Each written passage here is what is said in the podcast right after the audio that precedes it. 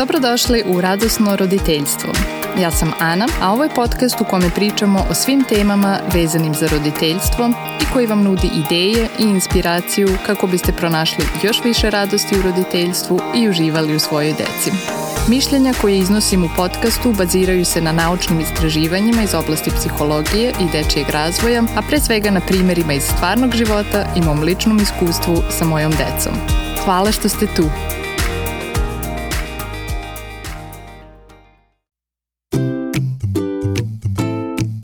Ako ste ikada želeli da promenite celokupnu porodičnu dinamiku na bolje, jedan od sigurnih načina za to je održavanje porodičnih sastanaka. A u današnjoj epizodi ćemo pričati o koracima koji će vam omogućiti da imate uspešan i prijatan porodični sastanak.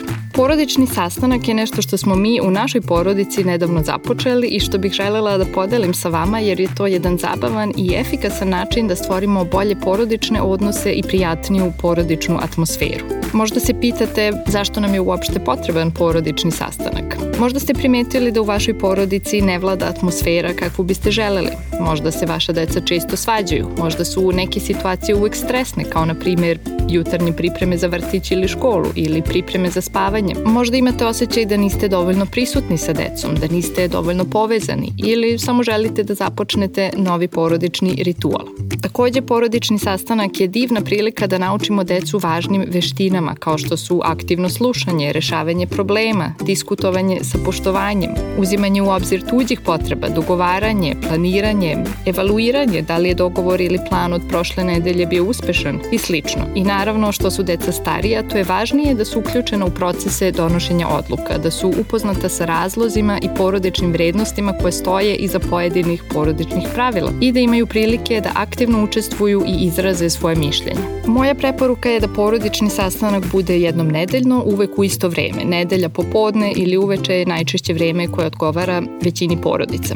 Što se tiče uzrasta dece, nije loše da započnete ovaj ritual i ako imate mlađu decu od 3, 4 ili 5 godina, tako da to bude čvrsta navika i onda kada su deca malo starija i kada je porodični sastanak od još veće važnosti.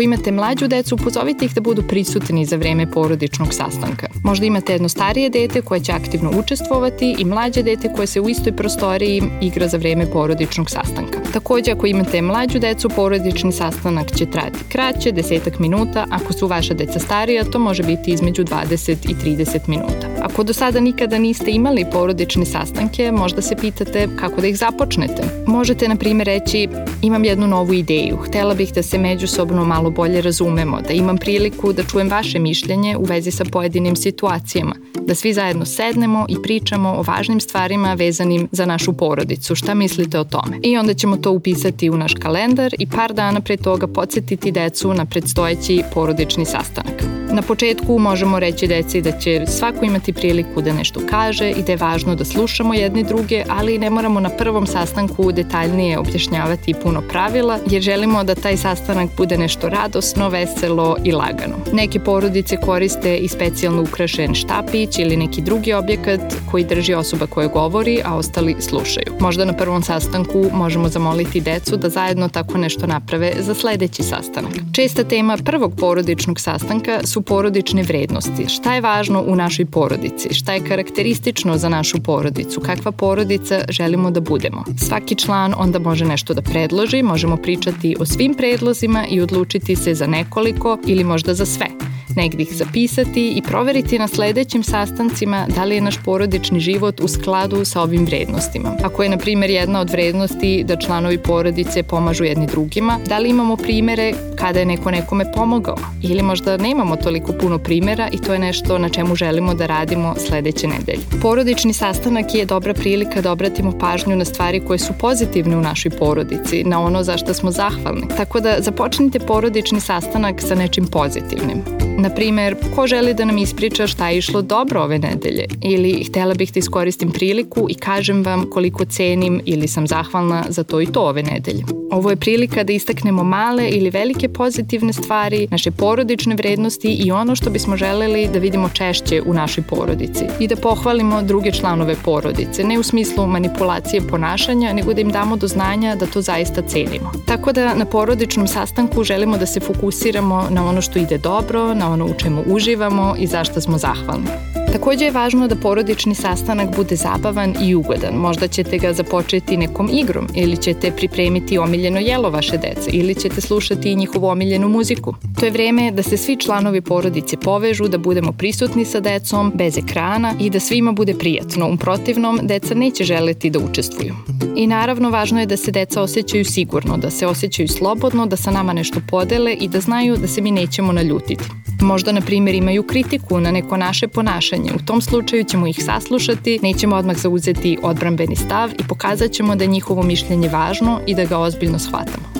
Zatim na porodičnom sastanku želimo da uključimo decu u rešavanje problema, da čujemo i njihove ideje u vezi sa nekim situacijama, šta možemo da poboljšamo. Tako da možemo na primjer reći da smo primetili poteškoće u vezi sa ekranom ili slatkišima ili domaćim zadacima ili uspavljivanjem ili bilo čim što nas brine. I to ćemo formulisati kao situaciju koja je teška, a ne kao nešto što dete radi pogrešno. Trudit ćemo se da zaista opišemo šta smo primetili, šta smo videli ili čuli, a ne kako smo mi tu situaciju situaciju interpretirali. Zatim možemo dodati svoje mišljenje u vezi te situacije, šta nas brine u vezi toga i pitati druge članove porodice šta oni misle o tome, kako oni vide tu situaciju. I takođe podstaknut ćemo decu da vremenom takođe počnu da koriste taj model komunikacije umesto da nekoga direktno napadaju ili kritikuju. I onda možemo pitati sve članove porodice kako to da zajedno rešimo, šta da radimo u vezi sa tim. Možemo skupiti sve predloge i ideje, zapisati ih i zajedno odlučiti odlučiti koji da isprobamo ili zajedno doneti neko novo porodično pravilo. Kada deca imaju priliku da učestvuju u donošenju odluka ili pravila, veća je verovatnoća da će ih poštovati. I onda se dogovorimo da isprobamo jedan predlog i sledeće nedelje pitamo decu šta oni misle, da li je bilo uspešno, šta je bilo uspešno, zbog čega je išlo tako dobro ili zašto nije dobro išlo ili im objasnimo zašto mi mislimo da nešto možda nije dobro funkcionisalo i potrebno je da isprobamo neko drugo rešenje. Bez osuđivanja, okrivljavanja, posramljivanja očekivanja, zajedno ćemo naći najbolji način da svačije potrebe budu zadovoljene.